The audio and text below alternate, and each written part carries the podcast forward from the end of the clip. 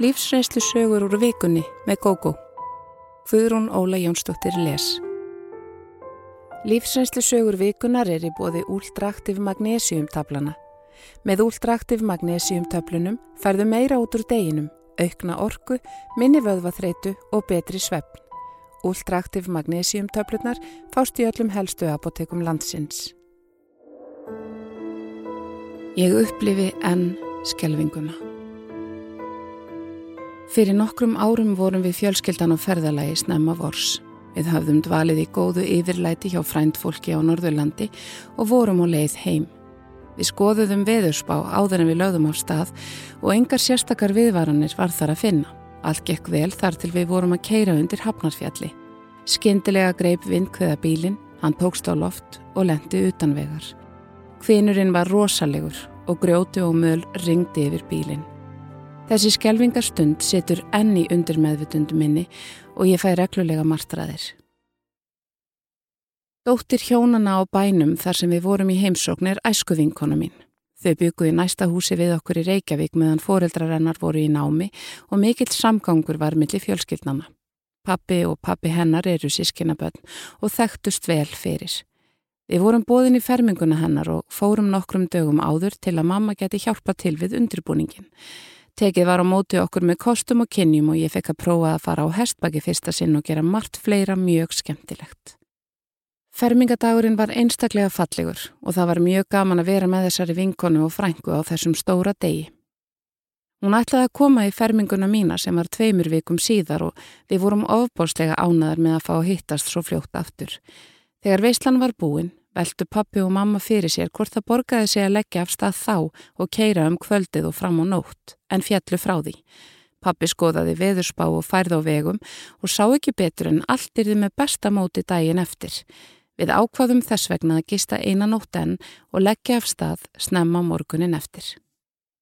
Ég og bróður minn sátum í aftursætinu og skiptumst á að leika okkur með iPadin. Mamma var í sérstaklega góðu skapi og við sungum í bílnum yfir holtavörðu heiðina. Í borgarnesi stoppuðum við og borðuðum en þar var frekar mikið rók. Við höfðum samt engar áhyggjur og pappa dætt ekki í huga að spyrja neitt hvort eitthvað væri að veðrinu.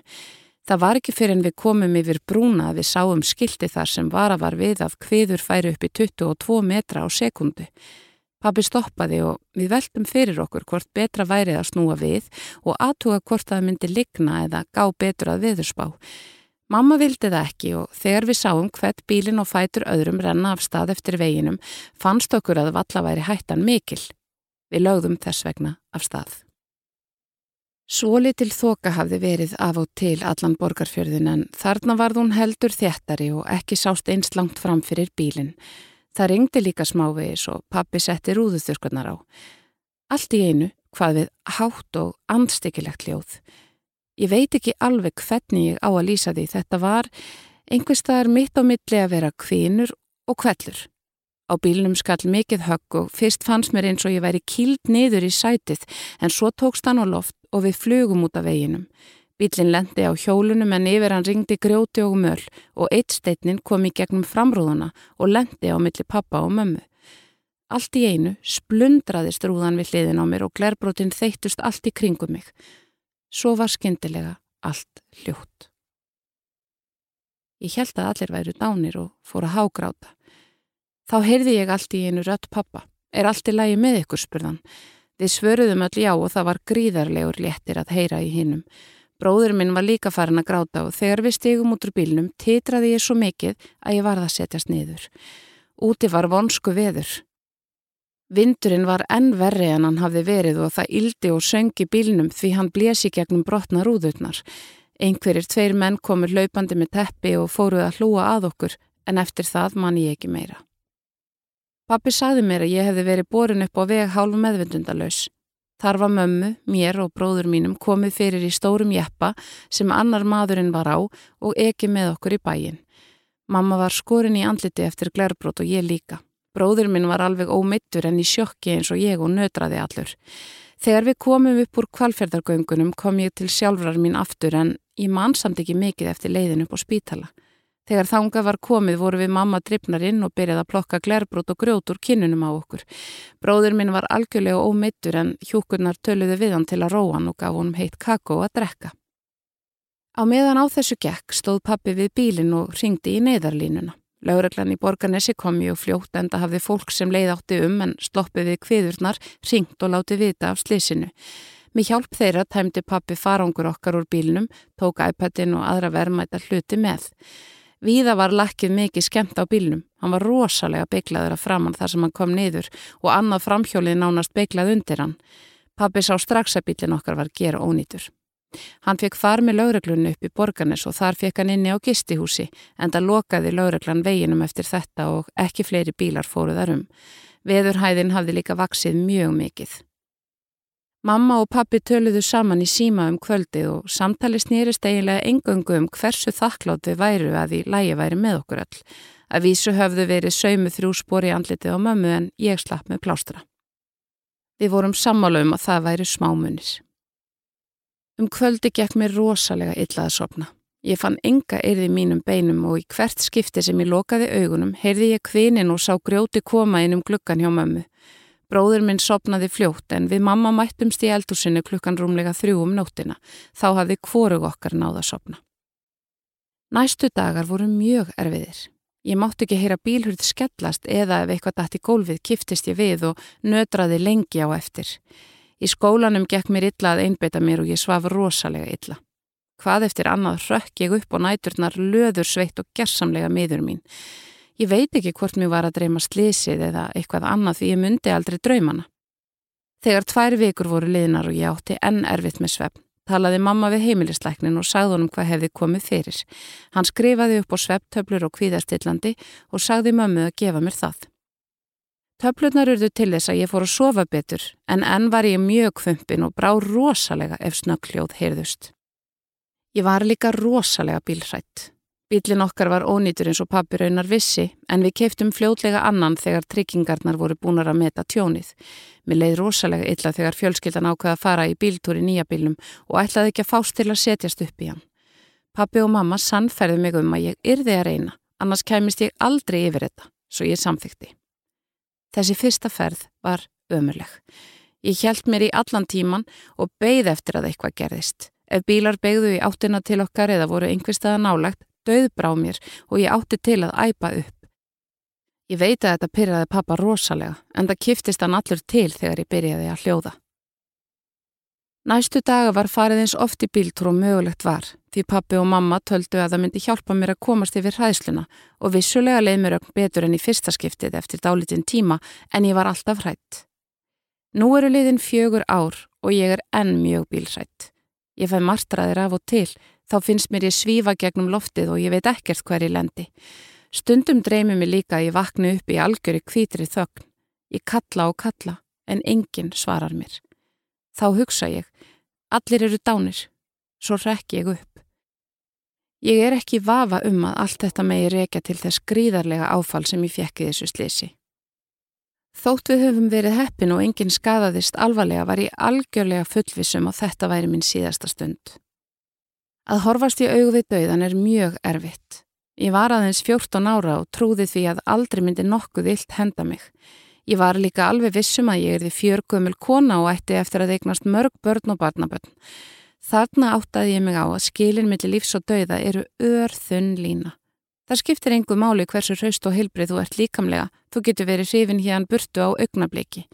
Það er undirótt þessa óttar sem ég glýmin og stöðugt við.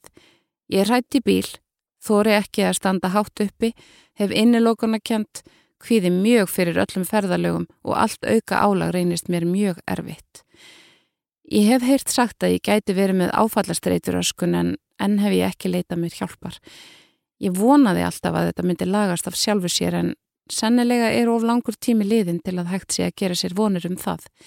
Ég ætla að drífa mig nú sem allra fyrst til sálfræðings og reyna að komast yfir þetta.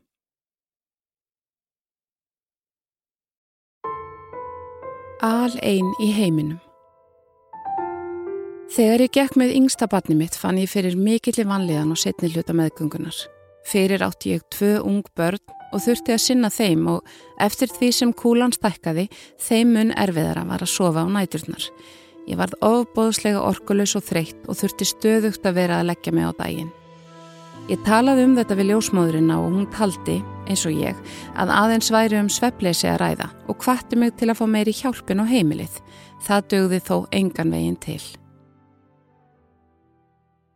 Ég var heimavinnandi á þessum tíma og mikið eini við daginn. Ég var í námi þegar ég varð ófríska miðbætninu, áttur reyndar bara eftir eina önnan. Það var nót til að mér fannst ég ekki geta held mér út í atvinnuleit strax. Ég tók mér því tíma til að klára meðgönguna og síðan fæðingaról og vettur að drengurinn fættist. Ég var aðeins byrjuð að sækja um og kynna mig á vinnustöðum í mínu fæi þegar ég uppgötvaði að ég var ófrísk aftur. Mér fannst einhvern veginn ekki koma til greina að sækja um vinnu og byrja störfið þar aðstæður svo það var það samkominnlægi að ég inni heima þar til tímabært væri bumbubúans vegna að fara af stað. Yngri sonur minn var aðeins átjón mánada og því nýbúin að fá inni á leikskóla. Madurinn minn vann mikið og kom seint heim þannig að ég gæti lítið leita til hans eftir hjálp. Mamma var einning útvinnandi og þótt hún reyndi að koma af og til var henni ómögulegt að vera hjá mér á hverjum degi. Sistur mínar voru úlingar á þessum árum og ákaflega upptegnar af sjálfum sér og fannst þær því síst af öllu eiga að þurfa að koma heim til mín og passa börn. Vinkonur mínar voru sjálfar með ung börn en nokkrar þeirra reyndu hvað þær gáttu að aðstóða mig. Einn kom við hjá mér á mótnana þegar hún var búin að skila af sér sínum börnum og tók krakkani mína og fór með á leikskólan. Svo vel vildi til að hún bjóði nákrenninu og var með tvo bílstóla. Ég átti þá morgunin fyrir mig og stundum gæti ég sopnað aftur en oftast vakti ég og satt við glukkan og starði út. Framtagssemin var alveg horfin. Ég sá hrúur af óhrinnum þvotti inn á baði, uppþvottavilin var full af hreinu lirtögi og leikfengum öll gólf. Ég gæti hins vegar ekki byrjað á neinu. Mér var algerlega umegn að setja í þvóttavél, taka úr upp þvóttavélinni eða tína upp dótið. Dagurinn flög eiginlega fram hjá mér og allt í einu var tímiti komin að sækja krakkana og ég varð að standa mig. Ég reyndi að tala við þau, sinna þeim og vera res en með hverjum deginum sem leið var það erfiðara. Stundum gekk ég um með grátstafin í kverkunum allan eftirmiddagin í einhverju þóku og valla heyrði hvað börnin sögðu. Ég baksaðist áfram og varð sífelt abrari og leiðari. Mér fannst ég eini í heiminum. Ég hafði engan til að tala um þessa líðan við og ljósmóðurinn virtist ekki telja að neitt alvarlegt væri á ferð. Að mér fóruð að sækja hugsanir og borðið þær að ég væri einskis virði, engum þætti væntu um mig og öllum væri sama þótt ég sæti þarna einn dag eftir dag. Ég fann líka fyrir andúðgagvart ófættu barni mínu. Ef ég hefði ekki orðið ólétt væri ég ábyggilega komin í góða vinnu innan um skemmtilegt fólk og farin að byggja upp framtíð. Eins og málum var núháttað var ég först í ömurlegu búri með þrjú lítil börn sem ég einn bara ábyrð á og engin vonum að það breytist eitthvað á næstunni. Íðulega skeldi ég af sjálfsmeðumgun og horfi í kringum mig í skítugri íbúðinu og fannst að engin ætti ég að bátt og ég. Þegar tvær vikur voru eftir af meðgöngunni var ég hægt að fara út, nánast hægt að borða og hafði hríð horast. Þá fór ljósmóðurinn loksað hafa áhyggjur af mér.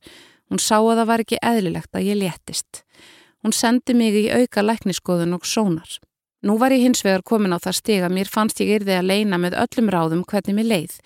Ég skammaðist mín mikið fyrir að finna ekki lengur til ástar á manninu mínum, börnunum og vilja helst vera laus við þetta litla batt sem ég gekk með.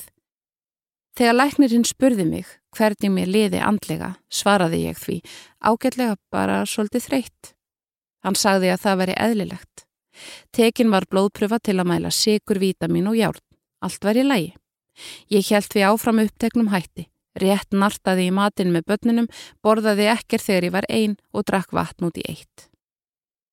Litla dóttir mín kom í heiminn eitt fagran haustdag en mammina sá ekki sólskinnið, fallegu litina og hver dásamlegur dökki dútnin og höfði hennar var. Hún var miður sín og sá ekkert nema svartnætti framundan. Nú var maðurinn minn farin að átta sig á að ekki væri allt með feldu og hann talaði við hjógrunarfólkið. Einhver kom og talaði við mig þegar ég var að fara heim en ég svaraði velrænt, eins og venjulega, að allt væri lægi hjá mér, ég væri bara þreytt. Mamma kom til mín daglega fyrstu dagana því hún sá líka að ég var ekki með sjálfur mér. Hún reyndi að fá mig til að tala við lækni en ég þver neytaði. Ég held áfram að grennast og öll född sem ég átti áður en ég varð ófrísk voru orðin allt og víð. Vinkona mín reyndi að fá mig með sér í mömmuklubb en ég vildi það ekki. Nú voru grátköstin orðin tíðari. Mig dreymdi illa á næturnar og kvíði var allsráðandi. Það var sama hversu lítið og lítilvægt að var, allt hitti mig inn að kviku. Mamma sagði eitthvað á þá leið að ég væri nú að verða voðalega mjó og ég fór að hágráta. Maðurinn minn spurði hvort ekki væri til mjölk og ég fór að gráta. Að mínu mati voru þau að í að því að ég stæði mig ekki sem skildi, passaði ekki að nærast vel og að nægur matur væri til á heimilinu. Mamma sagði mér setna að hún og maðurinn minn hefði verið alvarlega farin að íhuga að svifta mig sjálfræði og leggja mig inn á geðbild. Loks þegar dóttir mín var nýju mánuða gerðist eitthvað innra með mér. Hún var að leika sér á gólfinu og myndast við að taka fyrstu skrefin. Hún gekk eitt líti skref, datt á rassin og fór að hlæja. Hláturinn kveikti einhvern örlíti neista innra með mér. Eitt lítið andartak fann ég fyrir ást á þessu barni. Þetta nægði til að eitthvert sjálfsbjargar viðbrað fór af stað og ég samþykti að fara til læknis. Hann vildi setja mig á lif og í fyrstu ætlaði ég ekki að samþykja það. Ég var engin geðsjúklingur sem þyrti á stórhættulegum livjum að halda en honum tókst að sannfæra mig.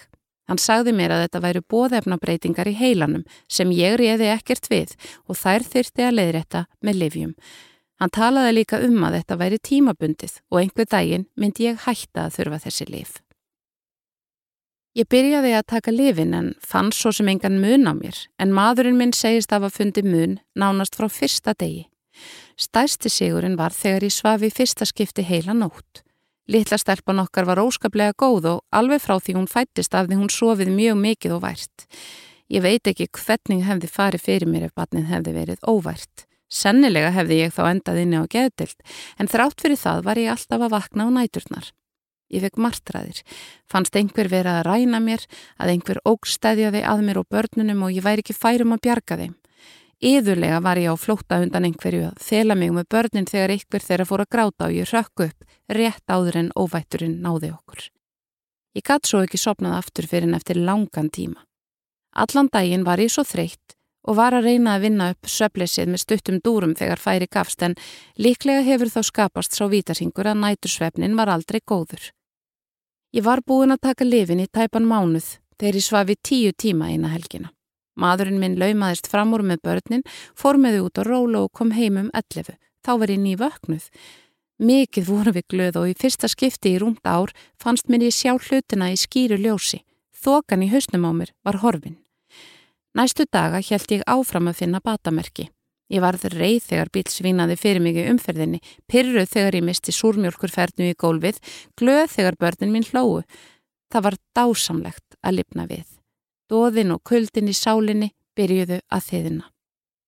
Nú er liðir únd ár frá því þetta var og ég er enn á livjunum. Ég hef minga skamtinn töluvert og mun halda því áfram í samráði við lækni.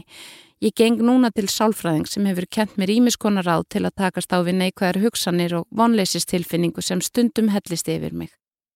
Ég er ekki byrjuð að vinna en er farin að velta því fyrir mér og um daginn sett ég saman ferilskrá og skráði mig á námskeiði líkamsrækt. Engin getur ímynda sér nefn hann hafi reynd hvernig það er að týna sjálfum sér. Finna engar tilfinningar dögum og mánuðum saman. En nú veit ég að þunglindi er sjúkdómur og það er hægt að sigrast á því. Svik á svik ofan. Ég skildi eftir 16 ára hjónaband þegar ég var rétt innan við færtugt. Við hjónin höfðum vaksið hvort frá öðru og skildum í þokkalegri sátt. Enguða síður var ég miður mín mjög lengi og fannst ég ekkert hafað að gefa. Tveimur árum eftir skilnaðin kynntist ég konu á barnir í bæ. Hún vek sér að mér brosandi og spurði hvort ég vildi ekki bjóða sér upp á drikk. Og þar með var ég fallin. Mér fannst hún gerðsamlega heilandi, léttlind, ljúf og við áttum margt sameigilegt. Hún var fráskilin eins og ég og sagði mér að fyrir maðurinn hennar hefði verið erfiður í sambúð, óábyrgur fjárrakslega og almennt ómögulegur. Ég trúði henni jafnvel þótt hún nokkru mánuðum setna triðum mig fyrir því að um það leiti sem hún skildi hefði hún átt í ástarsambandi við giftan mann. Hún hefði orðið hrifin af honum vegna þess hver illa henni leiði í hjónabandinu.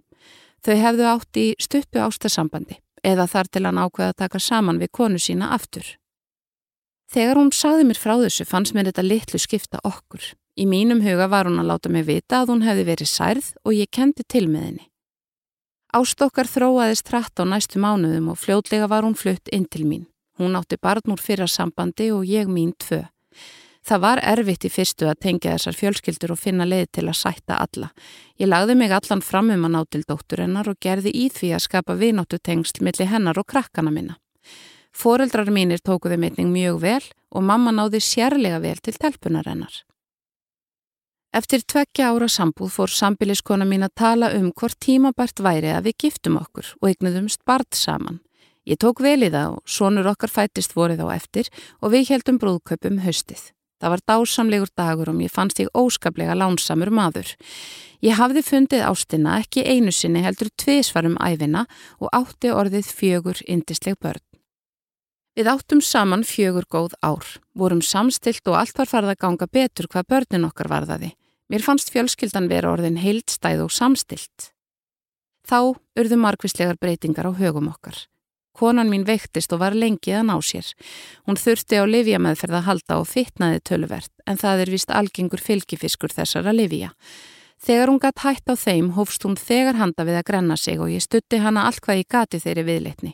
Við breyttum mataræðinu gersamlega og hættum alveg að kaupa skindimatt.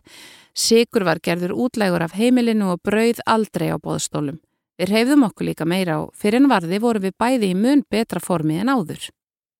Mér leið vel með þetta. Fannst ég sterkari og öflugri en ég hafði verið en þegar mér var sagt upp vinnunni var það gríðarlegt áfall.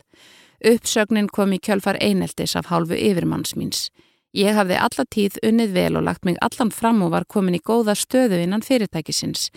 Framkvæmda stjórin var orðin roskin og ákvaða hætta. Við vorum miklir vinir en í stað hans kom ungur maður með vægast sagt undarlegar hugmyndir um stjórnun. Hann vissi lítið um þá vöru sem við vorum að bjóða en taldi sig hafa framústefnulegar og frumlegar hugmyndir um hvernig ætti að markasetjana.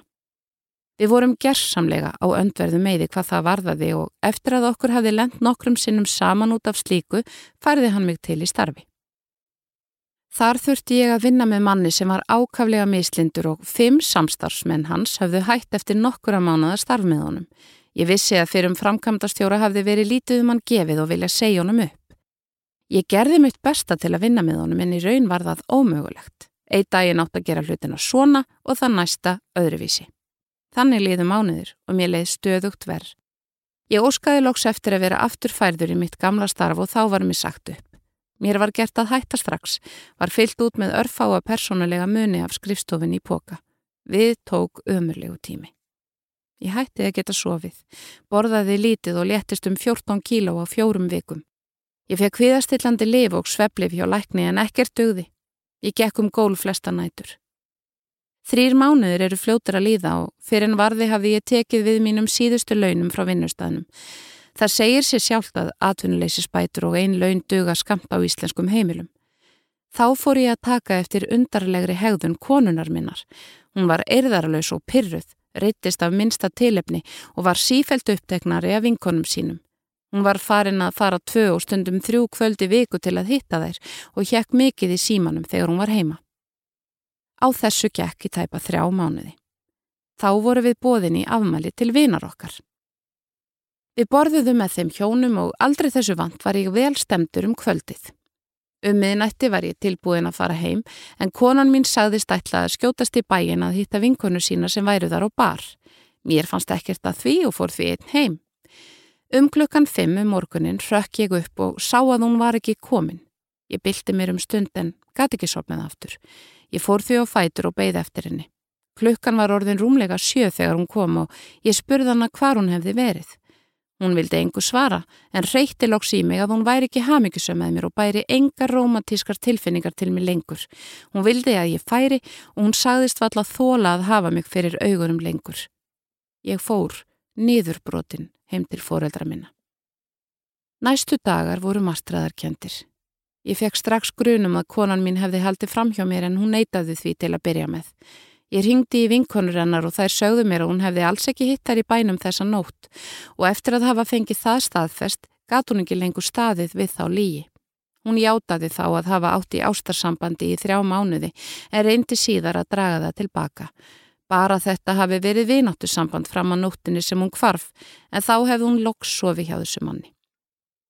Ég held áfram að grafa og smátt og smátt kom upp úr dúrnum fleiri missagnir og hreinar legar. Þegar ég barðar upp á hana og síndenni að ég hefði fengið sannleikan annar staðar, reytist hún og saðist ekki skilja hvers vegna ég hefði breyst svo mjög. Hún bara þekkti mig ekki fyrir sama mann. Fyrir tilviljun komst ég að því hver maðurinn var sem konan mín hjælt við. Vinur minn sáður saman og þekktan. Hér var sem sagt á ferð fyrir um elskugi hennar, gifti maðurinn sem hafði hafnað henni áður. Þetta var annað stórt áfall. Ég held ég myndi ekki hafa það af, en ég varða að fá að vita hvernig máli væri vaksið, svo ég ringdi hann og komst að því að hún hefði sett sig í samband við hann um leið og hún fretti að hann væri fluttur frá konunni sinni. Hún hafði sagt mér að þau hefðu hýst fyrir tilviljun. Hann sagði mér jafnframt að hann ætlaði ekki taka saman við hann að núna fremur enn í fyrraskiptið. Hann vildi allt gera til að ná sáttum við konu sína og að samkommulagi hefði orðið þeirra í milli að fara í hjónabandsraðgjöf. Samtali hjálpaði þótt ég væri enn gerðsamlega miður mín. Nú vissi ég allt. Konan mín var aldrei heil í sambandinu við mig. Þessi maður hafði augljóslega átt hug hennar öll árin sem við vorum saman og ég bara einhvers konar uppfylling meðan hann var ófáanlegur. Um leið og það breytist var hún fljóta taka upp síman. Þessi maður sem hafi hafnað henni áður var betri kostur en ég sem elskaði hana, var henni trúr og tilbúin að vera börnum okkar eins góður fadir og mögulegt væri. Að vísu var ég atvinnulegs en von til þess að það breytist. Nú eru liðinir átjón mánuðir síðan ég flutti út og við erum skilin. Ég er enna jafna mig en er bjart sítni eftir að vinu minn bauð mér að komin í fyrirtæki sitt og byggja það upp með honum. En sem komiðir hef ég engar rók tekjur en með mikilli vinnu getur við breytt við. Fyrrum konan mín er í leitað eigin manni á Tinder. Sistir mín stál arfi okkar. Ég hef verið búsett utanlands um ára byll. Oft hefur mér fundist heimili mitt líkast hóteli fyrir ættingja og vini því á hverju ári hafa þeir flikst til mín. Sistir mín og fjölskylda hennar hafa verið einna verst en ég hef tekið á móti henni og börnum hennar þrísvar til fjórum sinnum á ári. Þetta var kvimleitt en svo bættist við að sistir mín stál móðurarfi okkar. Eitt stæsti gallin við að búa í erlendri stórborg sem hefur upp á martabjóða er að mörgum virðist þykja sjálfsagt að gisting sé til reyðu, matur og leiðsök þegar þeir eiga leið um. Þannig var það um marga fjölskyldumæðlimi mína og sömur urðu fúlir yfir að ég get ekki tekið mér frí í vinnu til að leiðsegja þeim um allt, aga með þá og finna eitthvað handa þeim til skemmtunar. Yngstasistir mín var einmitt þannig. Hún kom tvísvar til þrísvar á ári með mann og þrjú börn í heimsók til mín og átti þá ávalt vona á að ég væri til reyðu fyrir þau þegar áþyrti að halda. Ég var í mjög krefjandi námi og síðar vinnu og var ekki neinu fríi þótt þau væru það. Í fyrstu heimsókninni fannst henni sjálfsagt að ég týndi til morgunmatt handa þeim og skildi eftir á borðinu og komið aðtugarsemtir yfir að það væri ekki gert. Ég bendi henni á að ég væri fullri vinnu en þau í fríi Nó væri til í ískapnum og þau yrðu bara að hjálpa sér sjálf. Hún sagði þá ekkert fleira en ég fann að hún var fúl. Hún talaði einning mikið um staði sem þau langaði að sjá og spurði hvernig ætti það komast ángað. Ég útskýrði það eins vel og ég gatt en henni fannst þetta flókið og stakk upp á og ég kemi bara með þeim. Ég sagði henni að ég get ekki fengið frí. Meðan ég var í náminu þurfti ég að hafa mig alla við að lesa. Ef ég hefði tekið frí þótt ekki væri nema einn dag hefði það kosta langan tíma að vinna upp það sem ég misti niður. Eftir að ég fór að vinna var þetta ennverra því í landinu þar sem ég bjó fær fólk mun stittra sumarfrí en hér á landi og því ekki tekið af umburðarlindi ef starfsmenn skreppa frá í vinnutímanum. Sistri mín vildi ekki skilja þetta. Hún áleita að ég nefndi ekki taka vel á mótið þeim eins og hún orðaði það svo smekklega við ættingi okkar eftir að heim kom. Í síðustu heimsóknennar til mín sögð upp úr á mill okkar. Hún og maður hennar voru í fríi og sátu þess vegna yðurlega á svölum íbúðarminnar og drukku á kvöldin með teilirandi flissi og háværum samræðum. Ég fór fram og kvartaði við þau, baðu að hafa hljótt við ég þyrti snemma og fætur. Sistri mín let mig þá heyra að ég væri ógjastri sinn, fúl og leiðinleg. Ég tilkynnt en á móti að hún þyrti bara alls ekki að gista hjá mér. Það væri meira að segja sásökulegst af minni hálfi að hún drattaði sér á hótel og ég geti þó fengið frið inni á eigin heimili. Næsta dag þegar ég kom heim úr vinnu voru þau farin og höfðu skilið eftir peninga á eldursporðinu. Væntanlega átti þetta að vera greiðsla fyrir gistinguna en uppæðin hefði ekki nægt fyrir einni af þeim áltíðum sem þau höfðu borðað á minn kostnað. Ég lópar aðeins og saði sískinu mínum og fleirum frá því af því að mér fannst þetta fyndið. Hún frétti það og það var til þess að auka enn á tókstreituna milli okkar. Nokkru mánuðum síðar bauðs mér hins vegar góð vinna heima og ég flutti til Reykjavíkur. Fóreldrar okkar voru orðin roskinn þegar ég fór út og pappi veiktist skömmu síðar. Hann lést eftir skama legu en mamma bjó lengi í óskiptu búi. Þegar hún þurfti á elli heimilisvist að halda komi ljós að þær litlu eigni sem hún átti voru samt nóg til þess að hún þurfti að borga mun herri gjöld en aðrir á heimilinu. Þetta fannst sískinu mínum ósangjant og úrvarð að íbúðin var seld og andverðinu skipt á milli okkar sem fyrir framgreitum arfi. Samkomilag ríkti einnig um að við geimdum öll á sparireikningi þessa uppæði að því kæmi að gamla konan þyrti á peningum að halda eða vildi nota eitthvað af þeim. Yngsta sýstir mín tók að sér að sjá um fjármál mömmu og spari fyrir hennar og pappa var fært á reikningi hennar nafni. Hún tók einnig við eftirlaunagreislu mömmu, greiti fyrir hana útistandandi skuldir í hverju mánuði og sá til þess að gamla konan hefði peninga fyrir hárgreislu, fótsnýrtingu og öðru sem hún vildi gera. Þegar ég kom heim var mamma orðin léleg til heilsunar og við sískinin skiptum á okkur dögum að sinninni og reyna að gerinni lífið bærilegra. Mamma lést svo í svefni fyrir tæpu ári síðan. Fljótlega eftir jarðarföruna var farið að gera upp búið og ganga frá og þá kom í ljós að ekki voru til peningar fyrir jarðarförunni. Það hafði einnig verið stopnað til talsverðara skuldar í bankanum í nafni mömmu. Bróður minni lögfræðingur og hann fór strax að skoða málið. Yngsta sýstir okkar hafiði sem sagt nota spari fyrir fóreldra okkar eins og hún ætti það sjálf og að auki þá peningar sem gömlu konunni bárust mánadarlega. Þegar það dögði ekki til, fekk hún yfirdráttar heimildi nafni mömmu á reikningin og svo var full nýtt. Hér var ekki um einhverjar gríðarlega háar upphæðir að ræða en þetta hljópa nokkru miljónum sem var horfið og yfirdrátturinn var tæp miljón. Ekkert okkar var það aðþrengt að þessir peningaskiptu sköpum. Það olli okkur sískinum hins vegar miklum sásöka að yngsta sýstir okkar skildi geta hugsa sér að fara svona ráði sínu gagvart okkur hinum. Við aðtöguðum réttastöðu okkar og íhugðum að kærana. Það var hins vegar erfitt að sanna gegn orðum hennar að gamla konan hefði ekki nota sjálf alla þessa peninga eins og hún hjælt fram. Þótt hún dveldi á elli heimili færi aldrei neitt og ætti aðeins fötil skiptana, fáinar bækur og húsgögn, þótti það ekki næg sönnun. Ég veit ekki hvað gamla konan hefði átt að geta eitt þessum peningum, en þannig fórum sjóferð þá. Við sískinnin vorum öll ábyrg fyrir yfirdrættunum eftir lát mömmu og öll vildu við gera henni sómarsamlega jarðarför. Nú kom sér vel að við höfðum að þeirri yngstu undantekinni geimt peningana sem fengust fyrir íbúðina. Þeir voru notaðir til að gera upp dánarbúið og ljúka þessum leiðindamálum. Ástandið í fjölskyldinu er hins vegar ekki gott. Yngsta sýstri mín talar ekki við okkur hinn. Við sökuðum hanna um þjófnaðað ósegju er hennar viðkvæði og hún hvaðst ekki geta treyst okkur. Ég verða viðurkenna að mér er alveg sama. Ég kemst af án þessarar sýstur og er mjög nánari eldri sýstur minni. Bræður okkar tveir eru einning með almenna bestu vina og við höldum þjætt saman. Þótt svo yngsta beru okkur út fyrir grimdgagvart sér og kulda höfum við ekki vilja tala neitt um það sem gekk á eftir að mamma dó.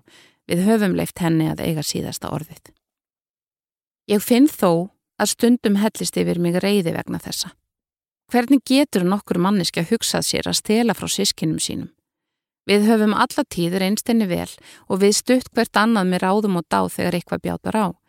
Elsti bróður minn hafði tvísvar bjargað henni og manni hennar úr fjárhagskrökkum og ég lánaði henni stóra upp að einu sinni og aldrei krafist endurgreðslu. Það er eins og sumar manneskjur séu botlust tunna því sama hversu mikið er gefið, það er aldrei nóg. Leiftað elska en elskar ekki. Að undanförnu hefur verið mikil umræða um foreldra útilókun, hvernig börnum reyðir af sem ekki fá að hitta annað foreldri sitt og þar af leiðandi ekki kynast helmingnum af sjálfum sér. Talaður um að börnin fái ekki að elska feður sína eða mæður. Ég er eitt þessara barna en ég kynntist föður mínu mjög lítið. Fyrir því voru gildar ástæður og ég veldi oft fyrir mér hvort það hefði verið mér til góðs að fá að umgangast hann meira. Ég hef svara fyrir mig og mitt svar er nei. Um daginn var fjallað um ráðstefnu á vegum barnaheilla um þetta málefni og ég sá að vísu að þar var fjallað um börn sem ælust upp í umhverfi þar sem ríkti neikvægt viðhorf til annars fóreldrisins. Þannig var það ekki á mínu heimili. Mamma talaði alltaf vel um pappa og afsakaði hann á allanhátt sem hún gatt. Staðrendin var svo að pappi minn var ákaflega ábyrðalus maður, gósi, eins og amma sagði. Hann átti fjögur börn og síndi jafnlítinn áhuga á þeim öllum. Mamma sá hins vegar til þess að ég kynnti sískinu mínum vel með því að bjóða þeim oft heim og þau dvöldustundum yfir helgi hjá okkur. Þegar mamma og pappi kynntust var hann í námi og hún vann fyrir þeim. Hann fekk af og til verkefni með skólanum en þeir peningar sem fengust fyrir þau voru alfarið hans og hann lagði ekkert til heimilisins. Þetta fekk ég að vita hjá ömmu eftir að ég varð fullorðinn og fór að spyrja nánar út í þetta. Pappi skemmti sér líka um helgar með vinum sínum og vildi helst ekki hafa mömmu með. Honum fannst fínt að hún byði heima með mig, tækja mótonum í misjöfnu ástandi og eldaði handonum góðan mat í þingunni á sunnudeginum. Líklega hefur hann einning haldið fram hjá henni. Að minnstakosti er bróður minn fætur grunnsamlega stuttu eftir að pappi fór frá mömmu. Pappi fór þegar ég var þryggjára. Hann ringdi í mömmu tveimur vikum setna til að segja henni frá stórkosleiri konu sem hann hafði kynst á djamminu um helgina. Nú væri hann sko hamingjusamur og mikið svakalega sem svo væri góð kona, ólík mömmu minni á allan hátt. Pappi laug námi þarna um vorið og fjekk í kjölfarið stöðu hjá fyrirtæki í hans fæi. Hann var með góð laun en átti sjálfnast peninga. Mamma fekk meðlag með mér frá ríkinu en ef hún fór fram á að pappi greiti eitthvað aukalega átt hann aldrei fyrir því. Hún reyndi líka fá hann til að taka mig um helgar eða koma af og til og hitta mig en hann hafði engan áhuga. Það var alltaf eitthvað annað mun mikilvægara. Bróður minn fættist tíu mánuðum eftir að pappi yfirgaf okkur og mjög fljótlega eftir það stakkana frá þeirri fjölskyldu líka. Næstu árin bættust tvö börn við með jafnmörgum konum og minstrið endur tók sig. Þær voru fullkomnar til að byrja með en um leið og farið var að krefjast þess að hann tæki á sig einhverja skuldbindingar, leta hann sig hverfa. Hann ringdi stundum í mig og spjallaði þá sætl og gladur um sjálfan sig en spurði aldrei hvað ég var að gera eða hvernig ég hefði það. Hann kom aldrei á íþróttakappleiki hjá mér, leta ekki sjá sig á afmælisteginu mínum. Ég efast raunar um að hann muni hvaða dag ég er fættur og var ekki viðstættur eina einustu skóla útskrift. Afi minn og amma í föðurætt buðu mér stundum í fjölskyldu bóð heima hjá sér en þess og milli var ekkert samband. Mér leiða æfinlega eins og illagerðum aðskotar hluti í þessum veislum því ég þekkti engan og enginn virtist vilja kynast mér. Pappi var þarna oft og bræður hans og sýstir. Þau kjöftuðu saman og ef við börnin komum einhver stað nálegt voru við beðin um að fara eitthvað og leika okkur. Mamma setti sig í samband við allar basmaður hans. Hún sagði þeim að sér þætti mikilvægt að ég kynntist þeim. Vegna hennar eigum við sískinnin gott samband í dag en ekkert okkar hefði þekkt til föðurfluta erfða okkar ef það hefði ekki verið. Föðurfjölskyldan var nefnilega jafn afskiptalítil gagvar þeim og mér og móðir sýstur minnar ákvað þegar hún var fjögura ára að leggja ekki á hana lengur að fara í þessi hundleiðinlegu bóð sem voru kvöl og pína fyrir okkur öll. Reyndar skánaði það þegar við gáttum haft félagskap hvert af öðru en þá lokuðum við okkur einhver staðar af og spjöldluðum eða spiliðum og öllum virtist finnast það í fínu lægi. Pappi var ágætlega mentaður en endist yfirleitt stutt í vinnu. Honum fannst hann aldrei metin á verleikum og ekki ganga nógu hratt upp metorðastegan. Eitt hvað var að yfirmönnum á öllum stöðum þar sem hann vann. Svo kom að því að pappi stopnaði eigið fyrirtæki og eftir það var hann ímist ríkur og sló um sig með alls konar fíneríi eða öregi sem ringdi til að sníkja peninga af mömmu. Ég held að mamma hafi látið hann hafa peninga af og til. Hann gaf mér aldrei gafir, borgaði aldrei neitt fyrir mig, en þegar ég eldist hafði hann gaman af að sína með nýjustu leikföngin sín og reyka sér af þeim. Bílar, fjórhjól, vjelsleðar og golfsett voru meðal þess sem hann bauð mér að prófa með sér, en ég hafði alltaf á tilfinningunni að það væri frekar vegna þess að fáir vildu orðið umgangastan en að hann langaði að verja tíma með mér, síni sínum. Alltaf reyndi mamma að bera blaka af honum þegar ég varð sem reyðastur út í hann.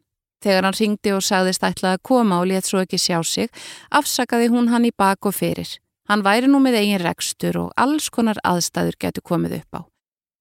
Ég beði kannski hálfan dag en gafst svo upp og fór eitthvað annað.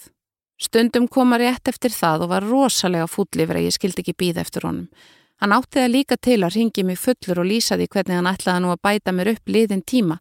Nú skildum við sko taka upp reglulegar samvistir og hafa það gott saman, feðgarnir, vinirnir en aldrei breytist neitt. Þótt ég væri löngu búin að sjá í gegnum þennan mann og vissi alveg hvernig hann var, get ég ekki neitað að í hvert skipti vöknuðu vonir. Ég held að kannski mynda núna, kannski væri hann loksinsordin fullordin og allt í einu hefðan gerð sig grein fyrir hversu mikilvæg fjölskyldan væri. Pappi var allatíð mjög ánaður með sjálfan sig. Hann var komin af fínu fólki og ekki vantaði auða á æskuheimili hans. Amma dýrkaði öll börnin sín og taldi þau feguri, gáfaðri og hæfari einstaklinga en alla aðra þegna þessa lands og þau drukku í sig viðhorf hennar. Öll börnin hennar hafa skilið, komið illa fram við fyrirverandi maka og börnin sín. Meira að segja börn föðusistu minnar tali ekki við hana. Öll sískinin hafa líka verið óabyrgi fjármálum og klúðraði mismunandi alvarlega. Eitt föðurbræðra minna hefur orðið gjaldróta oftar en einu sinni og margir eiga um sárta binda vegna hans. Afi var kaupsíslumadur og ég hef veirt sögur af því hversu harður hann var í viðskiptum og óvægin þegar því var að skipta. Við þessar aðstæður ólst ég upp og get fullirt að móður mín gerði kvorki neitt til að tálma umgengni við pappa minn nýja að spilla á milli okkar. Ég egnaðist mjög góðan stjúpföður þegar ég var sex ára og hann hefur alltaf reynst mér sem besti fadir. Honum og móður afa mínum þakka ég það að ég veit hvernig feður eigaði rækta hlutverk sitt. Ég veit hvernig ábyrgir kartmenn koma framga hvert fjölskyldum sínum og ég kann að vinna með öðrum. Mér hefur oft verið sagt að fólki sem tekir báða fóruldra mín að ég sé allur um móðurættinni og mikið veri ég gladur þegar ég heyri það. Ég fekk að kynast lítilega föður mínum og fjölskyldu hans og er döð fegin að það var ekki meira. Nú þegar ég er orðin fullorðin og lítil baka finnst mér allt sem ég upplifði í tengslu við það fólk ekki hafa haft heppileg áhrif á mig og mér hefði fundist gott að sleppa við þann sásöka sem pappi olli mér og er ömurlegu stundir sem ég varða að þreja í húsi föðurafa míns og ömmu. Ef satt skal segja held ég að þrátt fyrir að ég hafi komið að ná og til allan minn uppvöxt myndi ekkert af þessu fólki þekkja mig á götu. Ég get ekki ímynda mér að neitt er að vita hvaða mentun ég hef, hvar ég vinn eða hvort og hversu mörg börn ég á. Vissulega er erfitt að sætta sig við vanrakslu af þessu tægi. Börn eru óskaplega næjusum og geta fyrirgefið flest. Það er hins vegar oft eftir að maður verður fullorðin og lítur tilbaka að það rennur upp fyrir manni hversu miklum órétti maður var beittur. Ég veit að pappi minn hefði aldrei átt að eignast börn. Skapgerðans er einfallega með þeim hætti og uppeldi sem hann hlaut hjálpaði ekki til. Honum var kent að láta sjálfan sig æfinlega ganga fyrir öllum öðrum og er algjörlega ómeðvitaður um þarfir annara. Kanski er hann ekki vondur maður en hann er ákaflega lítilfjörlegur maður. Það er vel hugsanlegt að ef ég hefði ekki fengið að umgangast hann, að ég hefði allatíð velti fyrir mér hvernig hann væri og langaði að kynast honum, Þá hefði ég auðvitað ekki haft forsendur til að komast að þessari niðurstöðu sem er mín fullvisa í dag, nefnilega að ég hefði gerðnan vilja vera alveg laus við pappa minn. Þú varst að hlusta á lífsreynslusögur úr vikunni með GóGó í lestri Guðrúnar Óli Jónsdóttur og framleiðslu Storysight árið 2020. Höfundaréttur Vikan.